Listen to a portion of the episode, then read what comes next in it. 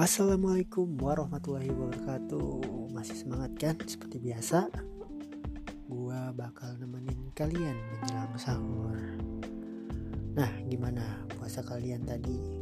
Puasa yang kedua ya?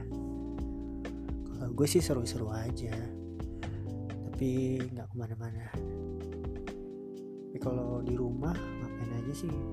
Pasti yang gue cari informasi sih Tadi gue lihat berita wah tuh kasihan juga sih tadi di Tanah Abang masih banyak ya pedagang-pedagang pada nekat tetap dagang juga mereka nyari nafkah.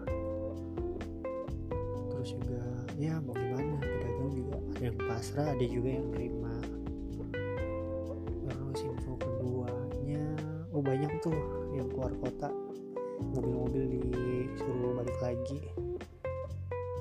Nah sekarang gimana kitanya aja sih untuk tetap di rumah. Ini mau gimana?